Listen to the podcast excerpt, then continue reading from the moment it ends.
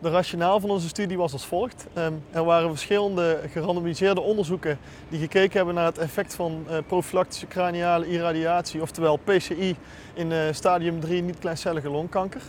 Ehm, deze studies lieten alle consistent een verlaging van het aantal hersenmetastasen zien in deze patiënten. Echter, in uh, geen van deze studies werd een um, statistisch significant overall survival voordeel gevonden voor PCI. Dit zou enerzijds veroorzaakt kunnen worden door het feit dat deze studies een uh, relatief kleine steekproefgrootte hadden en een relatief korte uh, follow-up uh, op het moment van de eerste analyse. en daardoor was het onduidelijk wat de lange termijn effecten van PCI op, op de overleving waren.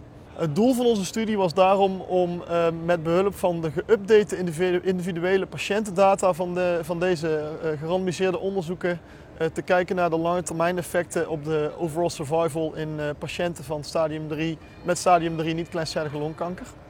We hebben de individuele patiëntendata van de verschillende gerandomiseerde studies verzameld en deze door middel van een meta-analyse gepoeld. Verder hebben we ook naar de absolute verschillen gekeken eh, tussen PCI en observatie na 5 en na 10 jaar.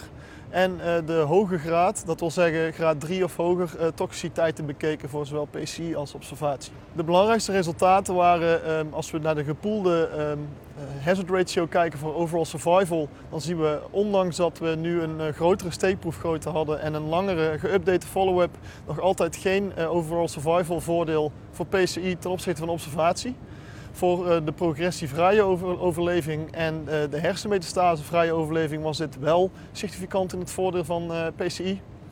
Als we kijken naar de toxiciteit, dan waren de hoge graad toxiciteiten vergelijkbaar tussen PCI en observatie. 4,2% voor de PCI-arm en 4,5% voor de observatiearm.